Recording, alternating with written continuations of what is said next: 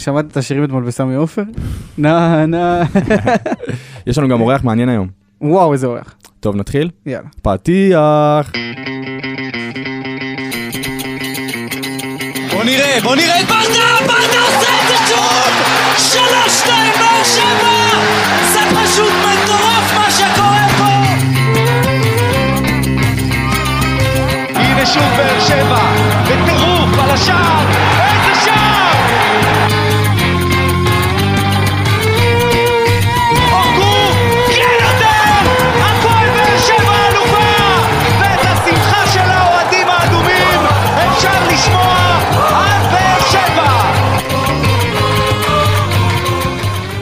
ברוכים הבאים לעוד פרק של פודקאסט האנליסטים שלנו, איזה התרגשות, איזה וואו, התרגשות. אימא'לה. טוב, אנחנו פה ברדיו דרום, אתם יכולים להאזין לנו בכל הפלטפורמות של רדיו דרום, כמובן בטוויטר, בטלגרם, פייסבוק, בפייסבוק, באינסטגרם. בהכל. Uh, כמובן שהפודקאסט שלנו uh, זה מבית uh, היוצר של פורמט האנליסטים של רפאל קבסה, האגדי.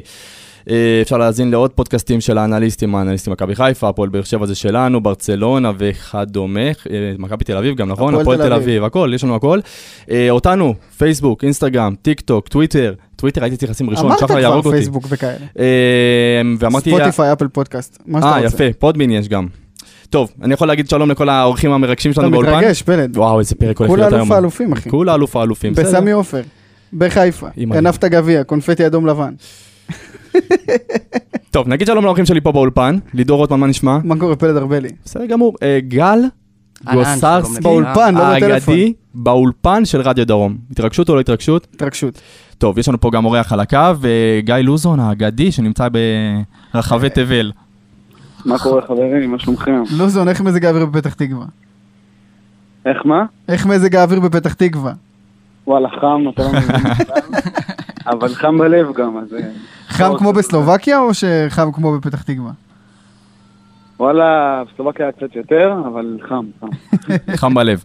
טוב, אה, בואו נתחיל אה, לרוץ פה על הדברים. היה לנו משחק מטורף אתמול, שאני מבחינתי זה היה גם משחק ראשון של העונה, זה התרגשות כללית, וגם הסיום של המשחק הזה בכלל.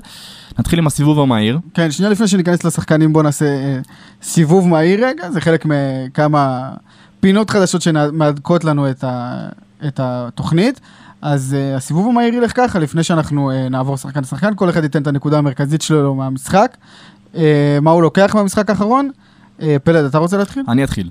יאללה. מבחינתי הנקודה... אם המר- תגיד תומר חמד, אני בועט לך בראש. לא, זה שלך, אני אתן לך. אה, אני אומר, ה- הנקודה המרכזית שלי במשחק אתמול זה האופי. אני חושב שבמהלך שנים רבות, אנחנו גם אה, דנו בזה בינינו, מכבי תל אביב הייתה נחשבת האב טיפוס של אופי. בסדר? גם בליגה, גם בכללי.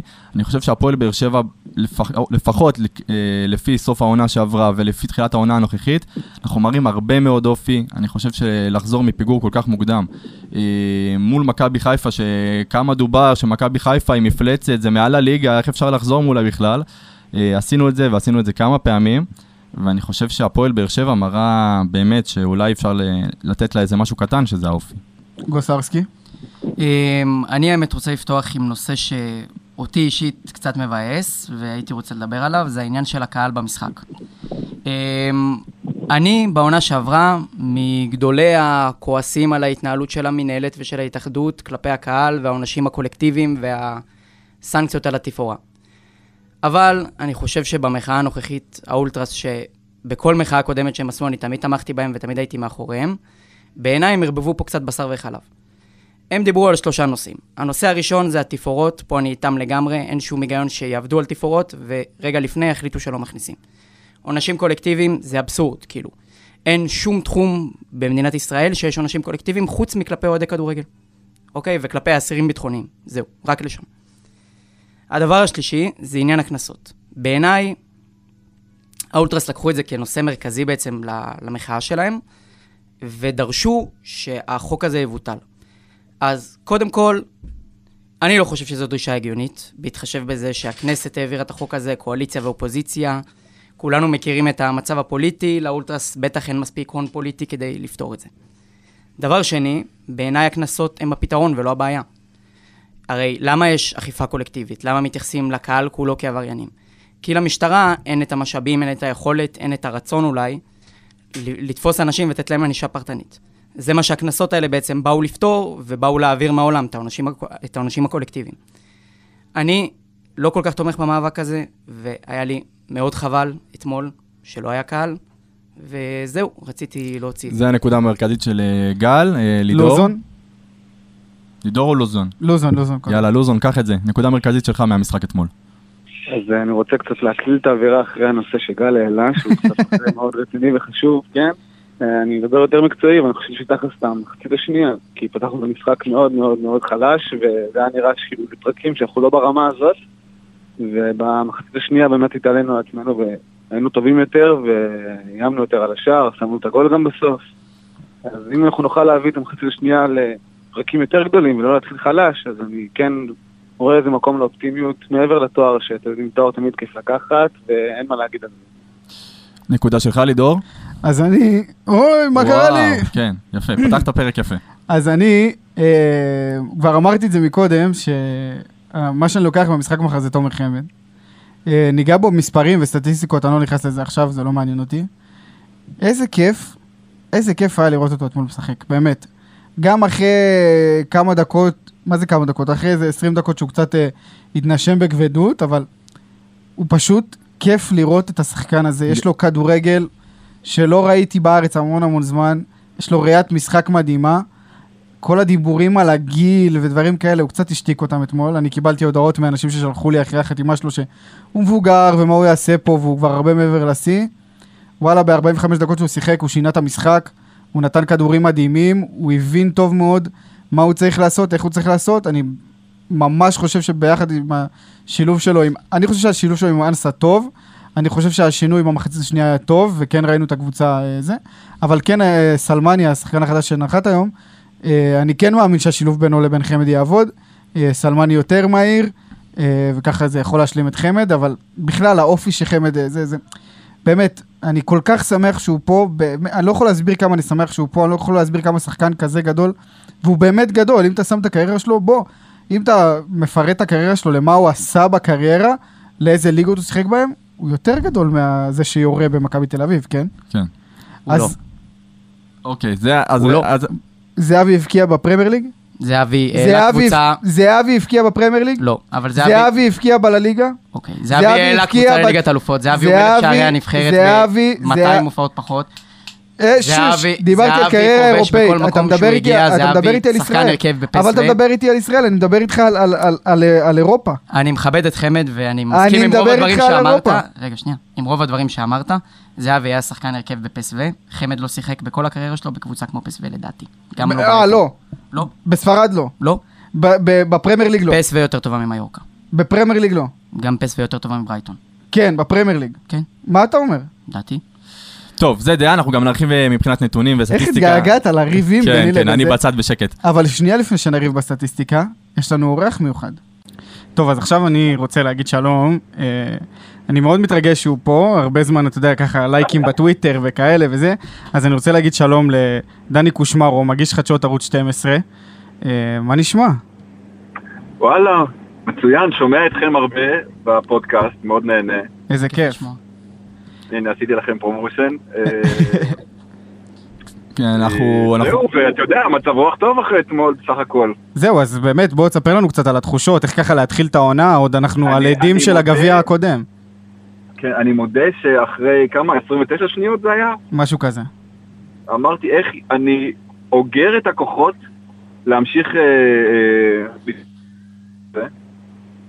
אבל אה, באמת, באר שבע של ברדה, היא, אני לא יודע, זה כבר לא פוליטיקלי קורקט להגיד את זה, אבל וואלה, קבוצה של גברים, באמת. לגמרי. לגמרי, כיף, הרבה אופי. אה, אתמול זה היה, זה היה יכול להיות מדרון חלק ל- ל- לאסון, ואני שמח שהקבוצה ככה יצאה מזה בטח עם ניצחון כזה. אה, אז בוא, אני קצת רוצה שתספר לנו על, ה, על השילוב הזה בין העבודה הכל כך אינטנסיבית שלך לבין האהבה שלך, שזה הכדורגל והפועל באר שבע. איך אתה מצליח אה, לשלב את זה ביחד עם כל העבודה הזאת? אה, יש עוד אנשים עם עבודות קשות, אבל זה מה שנקרא, אפשר להוציא את בן אדם מבאר שבע, אבל לא להוציא את באר שבע ממנו או משהו כזה. כן. אה, ואני מודה שדווקא כאיש תקשורת כמעט כבר אה, קניתי את, ה... הרי התקשורת אה, זה מסע יחסי ציבור בלתי נגמר למכבי, שתי המכביות. אה, כאילו מינימום יש לנו את ליברפול ומנצ'סטר מתוגברת. מי מאיתנו נסכים איתך? ואתה אחד משלושה ארבעה נציגים שיש לבאר שבע בתקשורת. אה, כן, אה, ואני אומר שכבר כמעט השתכנעתי שזה, שזה המצב, שבאמת אנחנו מול אה, איזה אריות אירופיות, אה, אז אני, אני שמח שזה, אני אומר, באמת התקשיתי איך אני מתחיל, ממשיך לראות את המשחק מכאן, אחרי השנייה ה-29 הזאת של עומר אצילי, ששם תמיד את אותו הגול בדיוק. לא, זה מדהים, זה מדהים. אה, נדבר על זה עוד הרבה. למרות, שאתמול היה לו בישול אה, נפלא, אין מה להגיד. רואים שזה משהו שברק עבד איתם אה, באימונים על הדבר הזה. ומצד שני, אני, אני מודה שאני אוהב את התחושה הזאת, שהיא תמיד של באר שבע, אתה בא כאנדרדוג, בא מלמטה. דני, על, על רקע זה אני רוצה לקחת אותך רגע אחורה. אמ, לפני כמה ימים ככה הייתי באיזשהו מסע סרטונים ביוטיוב והגעתי לכתבה שאליאן וילדאו עשה כשאליניב ברדה חזר. עכשיו, כל הכתבה אליניב מתראיין ואלונה מתראיינת, ובסוף הכתבה ליאן וילדאו מסיים את זה במין שאלה כזאת, כמו שמספרים כתבה על בניית דירות ושואלים האם זה יפתור את משבר הדיור בציניות כזה בסוף, אז ליאן וילדאו שאל האם זה מה שיחזיר את הפועל באר שבע לצמרת. והתשובה היא, אני חושב אחרי עשר שנים, היא חד משמעית כן, ואני רוצה לשמוע ממך, כאוהד ותיק, איפה זה, איפה זה פוגש אותך. אבל שזה מדהים שעדיין לא מסתכלים עלינו כקבוצה גדולה. זה מה שכל פעם מפתיע אותי מחדש. אבל זה בסדר, שימשיכו להסתכל עלינו כאילו אנחנו אלו אה, מהפריפריה, מהדרום. אגב, חיפה זה לא פחות פריפריה מבאר שבע, כן? אבל רגע, בסדר. אנשים שוכחים שזה בערך אותו זמן נסיעה מתל אביב לחיפה. אבל זה לא, זה לא פריפריה ספורטיבית באותו מובן. אה, פשוט יותר שנים אה, עם, אה, עם ינקלה. נכון. ואני יכול להפנות אותך לכתבה, אני באמת, לא יודע, הם עברו לפני אלונה, אז זה יותר מעשר שנים, ש, שבאתי ועם אורה, ו, ובאתי לארון הגביעים, שבאר שבע שהייתה בתחתית, באמת, שאף אחד כמעט לא עשה מנוי, ואיך אמרתי, איך האימפריה הגדולה הזאת התרסקה. אז אה, אני שמח שאנחנו לא שם. זה שיש לנו אה, קבוצה ושיש לנו את אלונה ויש קהל מטורף ויש איצטדיון. הבעיה היא שלפעמים אתה קצת משתכנע כשאתה שומע את כל אתרי התקשורת אלו ואחרים, לא נתחיל לעשות רשימה ארוכה, שאנחנו לא שם. אה, ואני מקווה, תראה, כאוהד באר שבע, אני קודם כל רוצה שלא נתבזה. אני לא חייב אליפות. סליחה, אולי אני פה אומר... לא, לא, אני מאמין. שרובנו איתך. קודם כל אני רוצה שיהיה כיף, בגלל זה הייתה לי בעיה עם רוני לוי. קודם כל שיהיה כיף, שנבוא לקבוצה ונרגיש שהיא חלק מאיתנו, ושהשחקנים מחוברים אלינו ואנחנו מחוברים אליהם. אז התחושה שלי שזה הולך לשם. אה, וזהו, אני, אני רוצה שיהיה כיף לבוא לראות את הפועל באר שבע. אתה יודע מה? ואני מקווה שאלונה לא שומעת, גם אם לא נהיה אלופים. שי, שנביא, נעשה הצגות, ושיהיה כיף לבוא לטרנר. אני... אני מודה שבתחילת השנה הקודמת, היה, באמת היו עצבים מברזל, כאילו, היית צריך להיות ממש ממש מכור כדי לראות את המשחק. למרות שהיינו מקום ראשון. בסדר, אז זה מה שאני אומר, זה בדיוק מה שאני אומר. תן לי ליהנות, כמו אתמול אחרי חצי שעה ראשונה נגיד, למחוק אותה, אה, ותן לי ליהנות, להרגיש כבוד בקבוצה. וככה הרגשתי אתמול. לגמרי. אני חושב שגם דיברנו קודם על העלייה המטאורית וההצלחה, כאילו שהמועדון באמת הפך להיות מועדון צמרת, ואני חושב שאחד הדברים שלפחות אותי יותר מרגשים כאוהד, זה שלמרות שעלינו לצמרת ולמרות שכביכול כבר ירדנו ואנחנו לא אותה קבוצה שהכל התחבר לה ב-2015, אנחנו שם, והפועל באר שבע לא נגמרת, והפועל באר שבע גם כשהיא פחות טובה, פיתחה איזשהו אופי שאתה יודע, פעם היינו אומרים את זה על מכבי. היום אתה מסתכל על הליגה, הפועל באר שבע היא הקבוצה עם האופי הכי חזק בליגה, הכי ווינרית אז בליגה. זהו, אנשים שוכחים את זה, פעם היינו מתרסקים אחרי דבר כזה, נכון. וזה לא קרה. היינו מסיימים משחקים כאלה ב-6-2. וזה היה משחק, באמת שיחקנו נורא. הרבה מזל. הרבה, גם ברדה אמר את זה בסוף. עם ה- רוקאביצה עם ההחמצה שלו, או יותר נכון הצלה של, אה, של גלאזר. שניהם ביחד. אומרים, החמצה... עזוב, הצלה מדהימה של גלאזר. לגמרי, לגמרי. אה, ואני אני מודה שאני מחכה לקבלת פנים לרוקאביצה בטרנר. שמחים לשמוע, דני. כולנו. אז אה, דני, איך אתה רואה את העונה הקרובה שבאה עלינו ככה לטובה והתחילה ברגל ימין? אה, איך אתה רואה את החיזוק או האין חיזוק של הסגל הזה, ולאן אתה רואה, רו- חושב או רוצה הבנתי שהעונה הזאת תגיע? אה, הגיע החלוץ החדש, אה, סלמני, נכון, הוא נחת היום, דיברנו עליו, אה, עוד נדבר עליו בהמשך, ודיברנו עליו גם בפרק הקודם, נתנו עליו קצת אה, נתונים. בואו, אה, הולך- להיות אה, קשה. אה, בסוף בסוף גם גם כנראה הזר של חיפה יתחבר, ומכבי, אולי מכבי יהיה לה תופעת הגלקטיקות שהיה לה פעם, של יותר מדי כוכבים ויותר מדי אגו, שגם זה קרה למיטיבי הלכת שהביאו לשם את כל הכוכבים. יכול להיות שאפשר להפתיע. כאמור, אני רוצה ש... ש... שהשחקנים ייתנו הצגה, שיוכיחו שהם מחויבים למועדון הזה. והלוואי ונראה יותר שחקני בית. אה, ביאס אותי אתמול ש... שאליגון אה, החמיץ, אבל... אה, מדמון, מדמון. כן. מדמון, סליחה. אה, וכן, אני כבר עם האחרים. ואני גם אליגון עוד, אנחנו מקווים שהוא ישתלב גם. כן, כן. אני חושב שלהבדיל מקבוצות אחרות, כמו חיפה, כמו תל אביב, מאוד חשוב שיהיו פה שחקני בית ש, ש, שיביאו את הכישרון שלהם, ואין מה לעשות, זו קבוצה שחייבת שחקני בית טובים.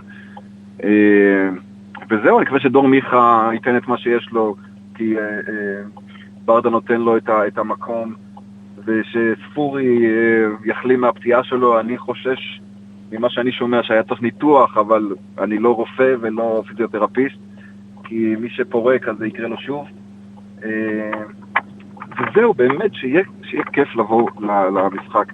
ובאמת, ה- ה- מה שקרה בחצי עונה הקודמת, זו דוגמה לזה ש- שהשחקנים של באר שבע רוצים משהו אחר. ו- ולא יודע, לקרוא מהתקשורת, אבל אה, להתייחס כמה שפחות ל- לכל מיני אתרים ופרשנים. להתעסק בעצמנו. מי כמוך יודע להגיד את הדברים האלה. דני קושמרו, אה, מגיש חדשות ערוץ 12, אנחנו קודם כל רוצים להגיד לך המון המון תודה ש- שהתארחת אצלנו ככה, אמנם בקטנה, אבל פעם הבאה באולפן נעשה תוכנית אה, כמו שצריך. אה, ואנחנו מקווה, אתה יודע, גם שנה שעברה איחלנו לצביקה הדר שהתארח אצלנו להיפגש על הבמה, וזה באמת קרה, אז אנחנו גם נאחל את זה, ניפגש על הבמה בסוף העונה עם איזה צלחת או גביע. נקווה שתהיה לך סיבה לכתבה. כן, סיבה לכתבה. הפגישה האחרונה שלי עם צביקה הייתה אחרי המשחק גביע שהוציא לנו את הלב. לגמרי. אה, וזהו, אה, גם אני עשיתי כתבה עם ברדה אחרי שהוא כמעט הלך מאיתנו, ואני מאוד מאוד, היו, היו כל מיני שיקולים כאלו שברדה צריך להיות פה. אני שמח שברדה הוא המאמן, ואני מתרגש לראות אותו ואת מליקסון על הקווים, אה, וזה מעבר לכל אה, שיקול אה, תועלתני. לגמרי. אז דני קושמרו, תודה רבה רבה רבה רבה. שמחנו. ואמרתי לך, ניפגש עוד בבמות בהמשך השנה. תודה רבה. אמן. ביי ביי. טוב, רעיון טוב עם דני, אני באמת חושב שחשוב שיהיה אנשים כמוהו בתקשורת, אתה יודע, אנחנו מדברים בעיקר על מכבי חיפה, מכבי תל אביב, יש אה, כמות מסוימת של אה, אוהדי הפועל באר שבע בתקשורת שחשובים, כמוך לידור. אה, לא, כמו קושמרו. כמו קושמרו, היה רעיון כיף. כן. בואו נתחיל לרוץ על שחקן שחקן מהמשחק אתמול, יאללה, יש לנו את זה גל. נתחיל בגלאזר? נתחיל בגלאזר. כמובן. אפשר להתחיל עם עמדת השוער? אפשר. יופי. טוב, תקשיבו. חד משמעית, בלי ויכוחים, אולי גוסרסקי פה, אתה יודע, הוא בא על תקן המתווכח היומי, אבל אני חושב, אני חושב שעמרי גלאזר זה השוער הישראלי הכי טוב בליגה. השוער הישראלי, לדעתי, בקושי הכי טוב מבין השוערים הישראלים, גם כלפי חוץ, לדעתי, יכבד- נכבד את מרציאנו. אני חושב שעמרי גלאזר, כדאי לו, ו- וכדאי למאמן של הנבחרת הלאומית שלנו להזמין אותו להיות שוער ראשון בנבחרת הלאומית, ואני חושב, עוד ניתן לו עוד כמה אה, שבחים, אני חושב שאין מקום של תחרות בינו לבין ארוש העונה, וזהו. פשוט, פשוט שוער ענק. שאלה, שתי שאלות אפילו. שתי שאלות. בלי גלאזר, אוקיי. המחצית הזאת מסתיימת ב-1-0? לא. וואו, ממש לא. שאלה שנייה, ברגע שהוא תפס את הכתף, כמה דפיקות לב החסרת? אני הרגשתי פלשבק מטורף למשחק בסמי עופר שנה שעברה. שגם ספגנו גול, נראינו כמו כלום 20 דקות, ואז שוער פורק את הכתף, ומשם אנחנו יודעים איך זה נגמר. לוזון? לוזון? לוזון, נעלם לנו, אתה יודע, הוא שמע, הופה, לוזון נעלם באמת. לוזון, זה היה התגובה, הוא שמע גלאזר הלך. אה, אני חושב שבאמת עמרי גלאזר, אה, פשוט, פשוט, פשוט, יש על מי לסמוך. זה, אתה יודע, גם, זה, זה מוביל גם לשקט בשחקני ההגנה, שאומרים, יש לנו את השוער שלנו שנותן לנו את השקט אה, שם בשער. מבחינתי זה באמת שיחוק של הפועל באר שבע. אני חושב שגם נכנסנו לעונה הזאת בתוך איזושהי דילמה של כאילו, האם גלאזר ישמור על השוער הראשון? היה ברור לכולם שהוא יתחיל כשוער ראשון. אבל האם הוא ישמור על השוער הראשון? האם ארוש ישתלב מתישהו בדרך? אני חושב שהמשחק אתמול, זה הגלאזר הכי טוב שאני ראיתי בהפועל באר שבע. ואני כן, אתמול? חושב... כן, כן, לגמרי. הוא היה נראה בטוח בעצמו, שקט, מעולה.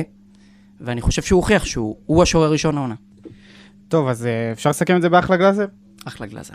אחלה גלאזר. ונעבור לשחקן הבא, אה, אלדר לופז. מה, מה, מה תגיד על אלדר לופז? איפה אתה? אתה פה? פה לא, פה לא, פה, פה. אז uh, קצת נתונים על אלדר לופז. Uh, איום אחד לשער, שהוא גם למסגרת, שקיבל 0.03 XG, שזה סבבה, לא? כאילו, נחמד. זה נחמד. נחמד לקבל ממנו uh, איומים למסגרת, ועוד איזה איום, הוא כמעט העיף את uh, ג'וש כהן לזה, הוא קיבל, הביא שם פצצה של החיים. שתי סחיטות עבירות, uh, ש- 32 מתוך 39 מסירות מדויקות, שזה 82 אחוזי דיוק, שזה אחלה. 30 מסירות שהתקבלו, 8 מ-12 במאבקים מוצלחים, 0 מאבקי אוויר מתוך 2, 8 מ-10 מאבקי קרקע, 2 מ-3 דריבלים מוצלחים, 3 מ-3 תיקולים מוצלחים, 6 עיבודי כדור, 3 חילוצי כדור. בוא נגיד שהיו משחקים יותר טובים של עדר לופז בהפועל באר שבע, אה, אבל אני לא חושב שהוא היה רע, אה, ומעבר לזה, גל ירחיב. אני חושב שהיה משחק יחסית סולידי של אלדר. כאילו, ראינו כן את אצילי בהתחלה עושה את המהלך הזה ומשתחרר ממנו, אני לא חושב שזה אשמתו של אלדר פה בגול. אה, היה משחק סביר, מאוד אהבתי לראות איך הוא מוציא כדורים ארוכים לאנסה, אני חושב שזה משהו שיכול לעבוד, וסך הכל זהו. אחלה. אני מסכים לגמרי עם גל. אה, השחקן הבא, חאתם עבד אל חמיד. טוב, אני חושב בכללי, דיברנו על אה, כמה חשוב שהשחקן הזה מגיע לפה ונשאר פה עם רצון באמת שהקבוצה תצליח. אה, אנחנו יודעים כמה חשוב שחתם רוצה לשחק, וכמה אנחנו רואים את ההבדלים בין זה שהוא רוצה לשחק ובין זה שהוא לא רוצה לשחק. אה, מבחינתי היה לו משחק טוב אתמול, גל תקן אותי או לא, לא, היה, תסכים איתי? היה, לו, היה לו באמת משחק מעולה, ואני חושב שמה שהכי בלט זה שבדקות שלחצו אותנו, בדקות שהיה קשה, היחיד שהצליח לעמוד בלחץ ולהוציא את הכדור קדימה ולשמור אותנו במשחק ולא לגרום לנו להתפרק, זה חתם, ואני מאוד שמח על זה. לגמרי. נתונים משהו או שנמשיך? זה נתונים של חתם, אתה יודע, זה, זה, זה הנתונים היבשים שלו. אה, רוב, ה- 92% מהמסירות שלו הן מגיעות בסוף לרגל של שחקן באר שבעי, שזה המון. כן, אבל אני חושב ש... אה, 100% במאבקי אוויר, כרגיל. אני חושב שהדבר הבולט זה הדריבל. כאילו, אני חייב להגיד, הוא פשוט... שלוש משלוש. לא לחיץ. לא לחיץ, אתה לא יכול לקחת לו את הכדור. נכון. הכדור אצלו ברגל, אתה לא יכול לקחת. לא משנה כמה תלחץ, לא משנה כמה שחקנים. וזה שוב מחזיר אותי לשאלה, אה, זה לא באמת שאלה, זה יותר נכון, זה- השאלה היא לחתם, למה שלא תשחק מגן? אני, אני אתמול, תדע לך, אני חשבתי על זה, לא- עזוב מגן, למה לא קשר?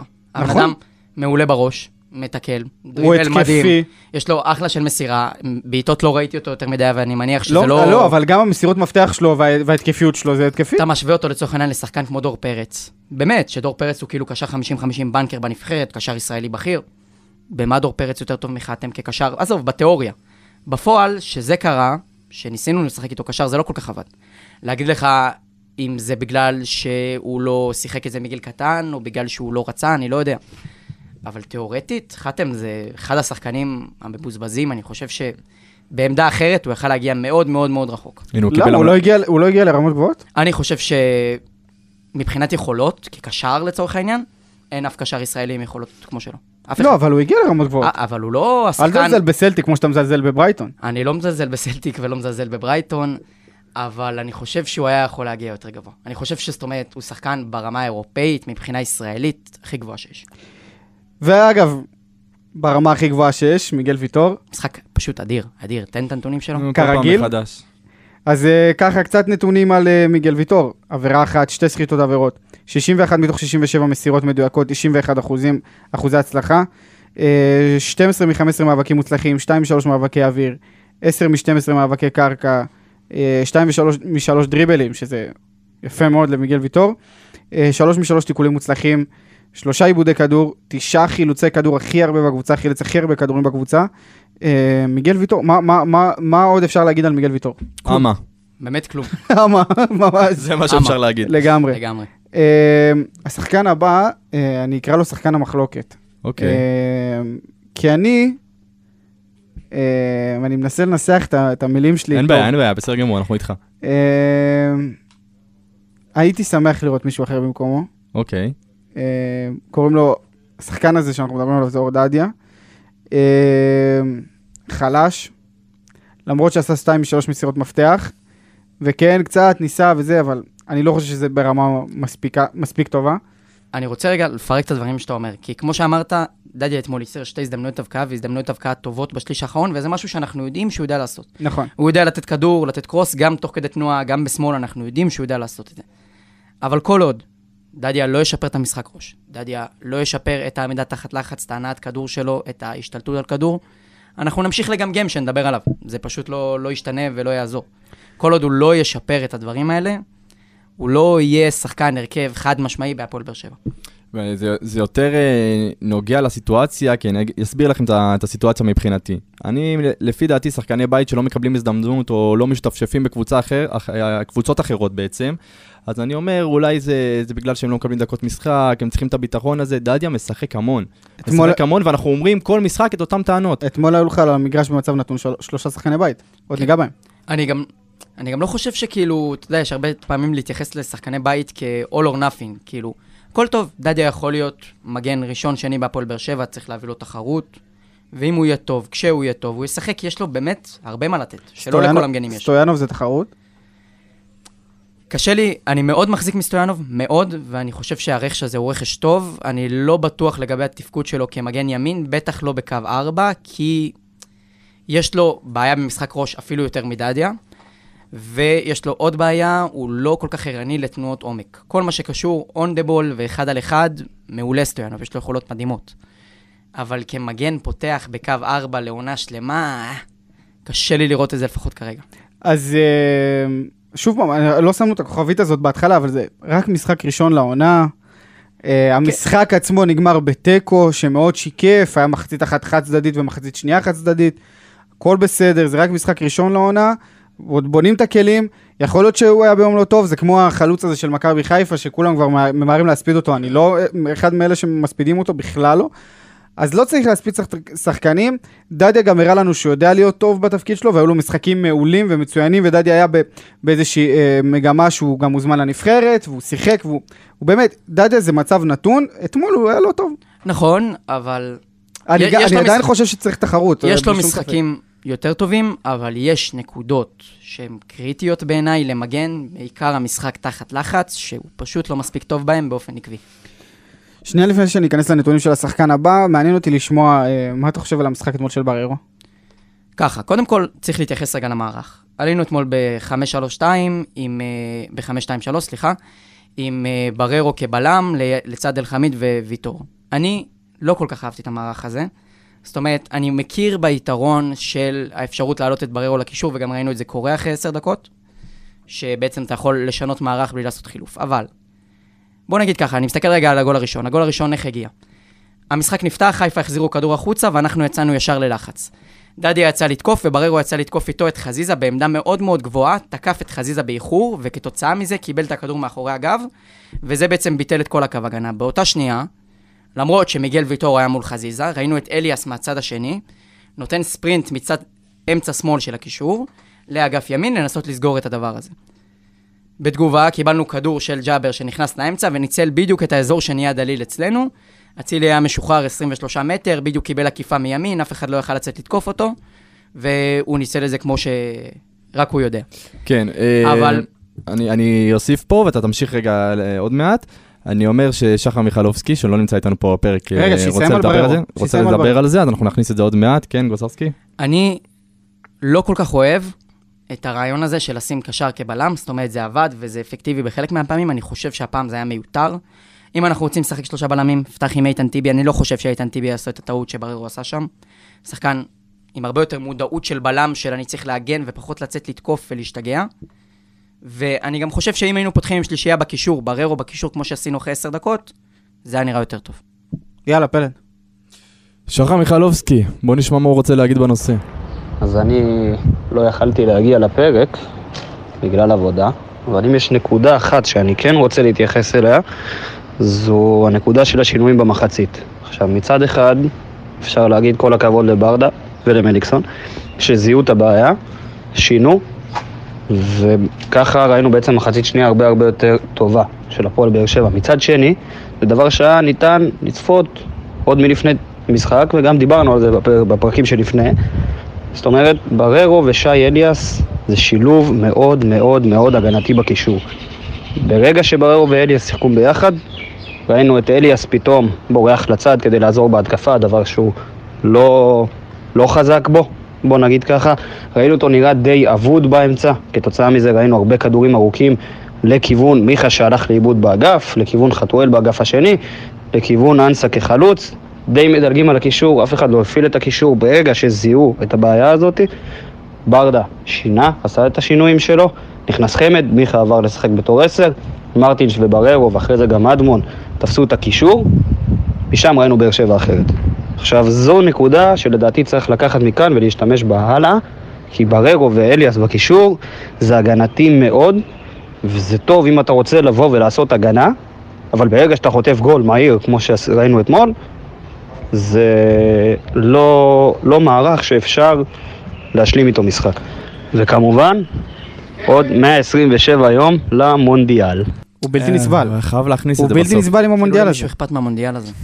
אז כן, מה אתה אומר על הופעת הבכורה של שי אליאס, אדון גלגוסרסקי? אני חושב שהיא הייתה... לא- רבנו. לא כל כך מוצלחת, האמת, לא כל כך מוצלחת. אני חושב שהוא פשוט לא מצא את עצמו, כמו ששחר אמר. הלך לאיבוד. ראינו גם ממש מעט פעולות ממ- ממנו, ממש מעט מסירות, כמעט בלי מאבקים הגנתיים, פשוט לא ראינו אותו, הוא לא היה קיים, הוא לא הצליח להביא את עצמו. אמ, לא, לא התחברתי להופעה, אני חושב שגם יש לו חלק בגול הראשון, הוא נטש שם את העמדה לגמרי, בדיוק העמדה שממנה קיבלנו את הגול אחרי זה מאצילי. לא הופעה מוצלחת. נקווה שישתפר ל- לתחילת העונה ולמשחקים באירופה. מרטינש? מרטין זה, זה סוגיה, האמת שרציתי לפתוח את זה. כי כשחקן הגנתי, מרטין לא מספיק טוב, בסדר? כאילו, הממדים הפיזיים שלו מאוד משפיעים על הצורת משחק שלו. אנחנו ראינו אותו עונה שעברה עם אה, 44 מאבקים, הגנ- עם 44 אחוז במאבקים הגנתיים, שזה ממש לא מספיק לקשר בתפקידו. אתמול לשלוש מ-10 במאבקים הגנתיים. זה לא מספיק טוב. עכשיו, השאלה היא צריכה להיות, אפשר להכיל שחקן כזה בקישור, שנותן פחות מאבקים הגנתיים ופחות נפח הגנתי. השאלה, מה הוא נותן לך בבניית משחק? השאלה היא מה הוא נותן לך קדימה. עכשיו, אני רוצה לשאול אתכם, אתם מרגישים שמרטינש, נכון שהוא טוב עם הכדור, אבל האם הוא נותן פה משהו ששווה בשבילו להכיל משחק הגנתי לא טוב? אני לא חושב, אני חושב שאנחנו יכולים לראות משחקנים אחרים אולי יותר הצטרפות קדימה, יותר, אה, בוא נגיד, את הקידום משחק לפן ההתקפי, מה שאנחנו לא רואים ממנו יותר מדי. תמיד אמרתי לעצמי שאולי זה, אתה יודע, מין גיבוי כזה לבררו, שאם בררו ביום פחות טוב, אז אולי יש את השחקן הזה שאולי קצת יכול לעזור. הוא שחקן שונה לגמרי ו- מבררו. וזה, וזה בכלל לא מה שאנחנו רואים במגרש, וזה... אבל יש יותר מדי ש- גיבויים לבררו. יותר מדי. נכון, אני לא חושב שמרטינש הוא גיבוי לבררו. מרטינש הוא בא לתת בקישור, מרטינש הוא מה שנקרא ball playing midfielder, זאת אומרת, הוא playmaker אחורי. עכשיו, יש פליימקרים אחורים שלא מרגישים בחיסרון ההגנתי שלהם, ויש פליימקרים אחורים שכן. אלה שכן, צריכים להביא נפח התקפי יותר גדול כדי שיהיה שווה לשים אותם בהרכב. אני חושב שכרגע, במה שמרטינש מביא, אני ככה הרגשתי מההתחלה, אבל קיוויתי שאולי זה ייפתח ואולי הוא יקבל ביטחון. לא רואה, לא רואה כדורים לגול, לא רואה מוציא אותי להתקפות בצורה מטורפת. כן רואה שהוא טוב על הכדור, שקשה ללחוץ אותו, כן, אבל לא חושב שהחבילה הכוללת שהוא מביא היא מספיק טובה, האמת. לדעתי. אה, ועוד סימן שאלה, שככה סוחב את הסימן שאלה שלו מהעונה הבאה לעונה הזאת, דור מיכה. דור מיכה. דיברתי בפרק הקודם, ו... ואמרתי שזה היום של דור מיכה לקחת על עצמו, ובעצם, אתה יודע, לתת את ההופעה כשספורי בהיעדרו. אבל אני חושב שבמשחק שהתפתח, לא, לא מיכה ולא, ספו... ולא חתואל, סליחה, הם השחקנים המתאימים. מיכה אתמול היה נראה אבוד. תקשיב, במשחקים שלוחצים אותך ואתה צריך לנסות לזרוק כדורים קדימה ומחפש שחקן לזרוק עליו את הכדור, הרי לא, הוא לא מקבל כדור לרגל ויש לו, מגיע עם הפנים כששחקנים עושים לו את התנועה, זה לא סיטואציה. אלא הוא מגיע בריצה אחורה, עם הגב, מגן על הגב שלו, כאילו, זה לא מה שמיכה יודע לתת וזה לא מה שחתואל יודע לתת. לא, זה לא שהיה לנו יותר מדי אופציות אתמול, כן? לא היה יותר מדי דברים שיכולנו לעשות. אבל זה פשוט לא סוג המשחק שהתאים להם, וגם בתוך המסגרת הזאת, שניהם לא הביאו את עצמם מספיק. האמת. אני, אני, אני מקווה פשוט שדור מיכה ישתפר לקראת אה, תחילת העונה, כי אנחנו נראה באמת, אה, בתור מי שהכי מבקר אותו בעולם, אה, לדעתי זה הזמן שלו, במיוחד שרמזי ספורי איננו, לקחת את המושכות. חתואל. באסה, באסה להגיד את זה, משחק פחות טוב לדעתי. אני- אה, וממש קיוויתי ש... שחתואל זה, ה... זה הבן אדם קצת למשחק הזה, זו התחושה האישית שלי לפני המשחק, אמרתי רותם חתואל זה הולך להיות איש המשחק. אה, נפלתי קצת. תשמע, אנחנו דיברנו על זה בפרק הקודם, ואתם אה, אמרתם לי שאתם לא מסכימים איתי. אני שמה? חושב שקבוצה שתבנה על חתואל כשחקן הרכב, לא יכולה לרוץ לאליפות. לא, אני לא חושב שחתואל לא הוא יכולה שחקן לרוץ הרכב. אחלה אני לא חתואל, חושב שחתואל הוא אחלה שחקן הרכב, חתואל. אף פעם לא חשבתי ככה. וצריך, פלד חשב ככה, אני, חשב, אני עדיין חושב ככה. אוקיי. וצריך לבוא ולהגיד שכשהוא פותח בהרכב, הוא בדרך כלל לא מצליח להביא את עצמו, נכון. ואני חושב שזה... שזה גם הרבה מתוך הקטע שהמשחק, בתחילת המשחק הוא הרבה יותר פיזי והרבה יותר אגרסיבי, וכשהוא מצליח להביא את הכדור לרגל שלו הוא טוב, אבל במשחק הזה שהוא צריך להילחם ולרוץ ולמגן על הגב, שהוא יותר פיזי, יותר מהיר, יותר אתלטי ממנו, קשה לו נורא להביא את עצמו, והוא הרבה יותר מסוכן כשהוא עולה מהספסל, כשהוא עולה כחילוף, גם אם מסתכלים על השערים שלו, כמעט כולם, אם לא כולם, הגיעו כחילוף. אני לא חושב שזה שחקן שאנחנו צריכים לבנות עליו כשחקן הרכב. לא, לא, חד- ואני מאוד אוהב את חתואל, ואני שוב, מאוהדיו אני, הגדולים. שוב אני אוסיף, אני לא חושב שלא צריך להביא את זר על המשבצת הזאת, אני לא חושב שצריך, שלא צריך להתחזק בעמדה הזאת. מבחינתי איש- האישית, אני כן רואה את חתואל מצליח לפתוח, מקווה אבל שיהיה לו גם את התחרות הזאת בהרכב וגם את השחקנים הנוספים שיתחרו איתו על העמדה. אחלה חתואל, ושהוא יהיה אחלה יותר בהמשך. אה, השחקן הבא, שאם לא תומר חמד, באמת, אם לא תומר אוקיי. חמד, הוא יכל היה בכיף להיות השחקן המצטיין שלי, מסכים איתך. אה, יוג'ין אנסה. אה, באחד המשחקים הטובים שלו בבאר שבע, נכון, זה יוג'ין אנסה, ונכון, יש לו את הפלטות שלו, ונכון שהוא לא אה, לבנדובסקי, כן? עושה מה שהוא צריך לעשות. או, עושה מה שהוא צריך לעשות, עשה יוג'ין אנסה. אנחנו רצינו שהוא יקבל את הכדור עם התנועה, יקפיץ מעל השוער ב- ביפהפיות, וזה מה שקיבלנו. זה מה שיוג'ין אנסה צריך לעשות, וזה מה שהוא עשה. אני לוקח אתכם רגע אחורה. מה שני המשחקים הכי טובים של יוג'ין אנסה בעונה שעברה? חצי גמר והגמר, לדעתי. כן. זאת אומרת, אם אני מנטרל רגע. את הפתיחת עונה שלו, החצי גמר והגמר שלו היו מעולים. הוא חזר למספר 13, אולי יחזור לנורמה מתחילת העונה שעברה. יוג'ין אנסה זה שחקן שההופעה שלו תלויה במה נבקש ממנו לעשות. אם נבקש ממנו לקבל כדור, לייצר, למסור למישהו, לעשות אחד על אחד, זה לא ילך. ראינו את זה, זה לא הולך, זה לא בסט כישורים שלו. אם נבקש ממנו לזרוק, שנזרוק עליו כדורים והוא יילחם וייקח את הכדור לבלם ויחזיר רגע אחורה, או אם נבקש ממנו לעשות את התנועה לעומק ולקבל משחקן אחר, אנחנו נגלה את היכולות של יוג'ין, שהן בעיניי הרבה יותר פיזיות מטכניות, ו... מה זאת אומרת יותר פיזיות מטכניות? אני חושב שטכנית הוא לא, לא מספיק טוב, וכשאתה נותן לו שטח וזורק עליו כדורים, אתה מביא את הכוח שלו, אתה מביא את התנועה לעומק שלו, אתה מביא את המהירות שלו לידי ביטוי, ואתה מקבל את יוג'ין אסה שיודע, שמביא את מה שהוא יודע. מסכים לגמרי, אני... שרק ימשיך. גם, ואני מקווה שידעו להשתמש בו כמו שצריך. לא, אבל זה גם נקודה, כי במשחקים קטנים, לצורך העניין, נגד קבוצות קטנות, שאתה צפוי להיות דומיננטי, לא יכול להיות שיוג'ין. אנסה הוא לא שחקן מתאים, וכמו שדיברנו על מיכה וחתואל, אלה בדיוק השחקנים שכן מתאימים למשחק הזה. אז מי, מי, מי השחקן שצריך לשחק ליד אנסה, שהוא פותח? במשחקים מול קבוצות גדולות, לא קטנות, כמו שאמרנו. ליד אנסה, עוד פעם, זה קשה לי מי קצת... צריך לספק לו את הכדורים האלה לשטח? מי צריך לספק לו את הכדורים? אמרת שדור כעיקרון- מיכה, אמרת שדור מיכה במשחק שלוחצים אותם, ושלוחצים את הקבוצה, זה שחקן שפחות מתאים. לופז צריך להביא לו את הכדורים. אחד, לופז עושה את זה יפה, עם הכדורים על הקו כשאנסה משחק בשמאל, זה, זה עובד נחמד. הוא עשה לו- הוא עשה לו בפוקס, אבל עשה לו את אחד הבישולים הכי יפים בחצי גמר. שתיים, אם מתעסקים, אם מסתכלים רגע על תומר חמד ועל הקריירה שלו, תומר חמד הצליח מאוד שהוא שיחק ליד חלוץ שעושה תנועה. ראינו את זה אתמול. תומר חמד, זה משהו שאני כאילו נחשפתי אליו רק בשבועות האחרונים. הוא, יש לו נגיעות בכדור, קטנות ועדינות, שיודעות לשים כדורים לעומק, ראינו את זה לא רק בגול, הוא גם הוריד ליחזקאל איזה כדור יפה, ועוד איזה כדור. אני חושב שאנסה ו- וחמד, זה יכול להיות שילוב מעניין בשפיץ, כי חמד הוא החלוץ עם הגב, ואנסה הוא החלוץ שעושה תנועה לעומק, ולדעתי הם משלימים אחד את השני יפה. יפה, אהבתי את התשובה. חילופים? יאללה, תן לנו לידור. נגיע לחילוף הכי מעניין פה, ולחילוף שחיכינו לו, ואני התרגשתי לראות אותו עומד על הקו, ולהרים את השלט עם המספר שלו. רוקאביצה. אז וולקאם מספר 17, תומר חמד, ברוך הבא. לבאר שבע. תגיד, אתה יכלת לדמיין וולקאם יותר טוב מזה לתומר חמד? לא, ואני אני אספר... ועוד בסמי עופר רגע, עם פרחים? וואו, וואו, וואו. תשמע, הוא. קיבל פרחים וזימבר אותם, אחי. וואו, זה מדהים. לא, תקשיבו, אני אגיד את האמת. אני, כשתומר חמד הגיע, התרגשתי מהם, מהסיטואציה, התרגשתי מאוד, אמרתי, תומר חמד חוזר לבאר שבע, תמיד זה היה ישר לחיפה. הגיע לבאר שבע, ואני אמרתי, וואו, כאילו, זה, זה כיף, זה התרגשות, אבל כאילו, זה לא השחקן אה, שישנה פה משהו. והמשחק הזה קצת שינה לי את החשיבה, שינה לי לגמרי את החשיבה. זאת אומרת, כאילו, אני, אני בונה על תומר חמד במהלך העונה הזאת, גם עם משחקים ספציפיים. רגע, אם מישהו היה רואה אותנו עכשיו באולפן, איך שאמרנו תומר פלד, שלושתנו, מחו- תומר תומר חמד, פלד, וואו. תומר פלד היה- שירת איתי בצבא, לא משנה, סיפור ארוך. אבל אם... בן אדם שלא יכול לסבול. לא לא משנה. לידור, זה משודר.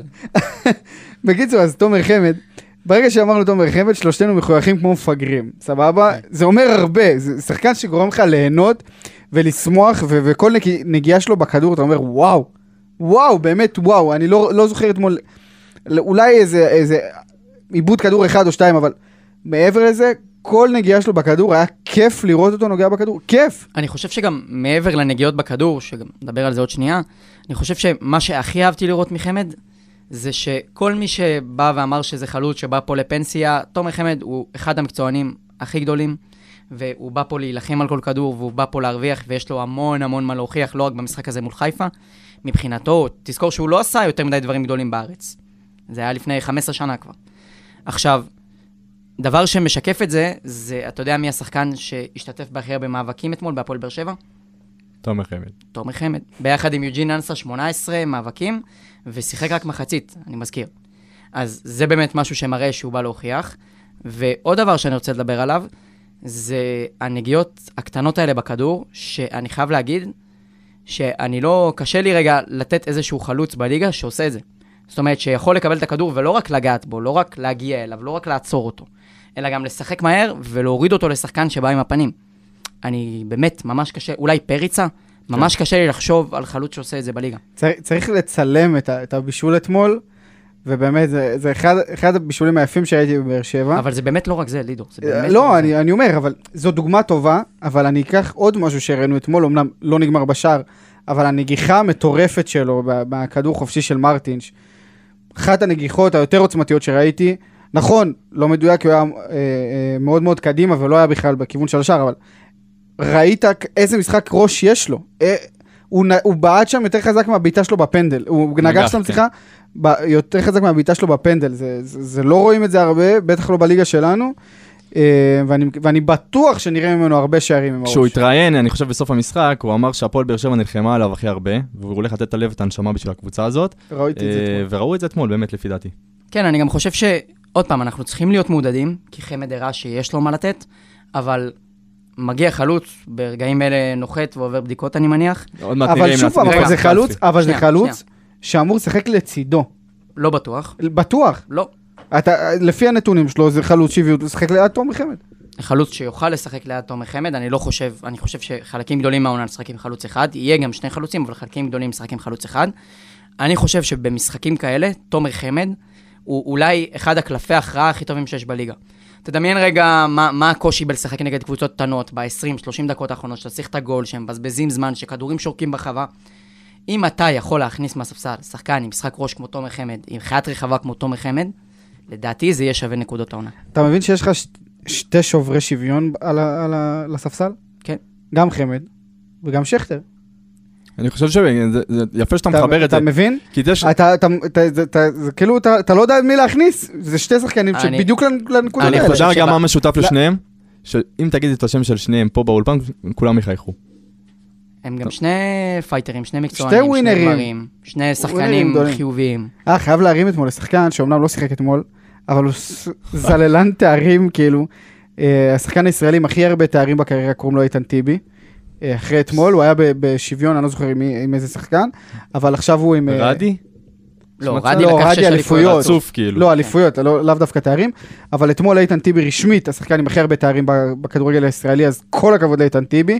אני מאוד שמח שהוא פה, גם שהוא לא משחק, הוא נותן הרבה, רואים את זה, רואים את זה על הספסל, ראו את זה אתמול בהנפה, הוא נותן הרבה, הוא טוב לו פה, אה, והלוואי, באמת הלוואי, ש- שאיתן טיבי יהיה פה, גם אחרי שהוא פורש, ואיתן טיבי אה, באמת יחנך פה אה, אה, דור, כי אני חושב שמודל לשחקן ישראלי, אה, בטח הגנתי, אה, זה איתן טיבי, באמת, אני חושב שאחד השחקני ההגנה הכי טובים שהיו פה ב... אחד השחקנים, באמת, אחד השחקני הגנה... בעשור האחרון, אין ויכוח. מה, ב- אה, בשתי עשורים אפילו. כן, שחקן נבחרת ישראל. אה, אחלה איתן טיבי, ואני מאוד שמח שהוא פה. אה, בואו נדבר על מדמון. רגע, שנייה, נעבור ל- לפי הסדר כניסה שלהם למגרש. אה, יחזקאל. איך בשנייה כן, כן. נגמרו דיברנו- החיוקים. דיברנו על... מה קורה לי היום? מה אמרת היום? חיוקים. חיוקים. לא, יש, נעשה מילון לידור בסוף ה...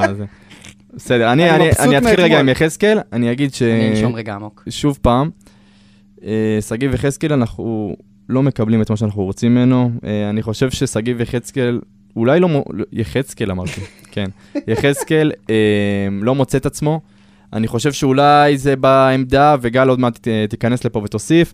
אולי העמדה לא מתאימה לו, אולי שיטת המשחק לא מתאימה לו, אבל כרגע הוא, הוא אבוד, הוא אבוד, באמת, אני לא, אני לא רואה שהוא מוצא את עצמו בשיטה. תשמע, יחזקאל הגיע לבאר שבע בינואר, בחלון לפני שרוני לוי הגיע, נכון? נכון. שאבוקסיס עזב. מאז שישה שערים, שיחק רוב הזמן כחלוץ, קצת בכנפיים, וגם בכנפיים האיכות שלו אמורה להיות בזה שהוא חלוץ כנף, בזה שהוא נכנס לרחבה, בזה שהוא מביא- מביא את התכונות שלו בתוך הרחבה. אני, ממש ממש קשה לי איתו. אני אתמול, זה היה לי ממש קשה לראות, זאת אומרת, סיטואציות שיש לך ארבעה שחקנים ברחבה, והוא מנסה לעבור את המגן שלו, כשיש לך שלושה מטר להרים את הכדור.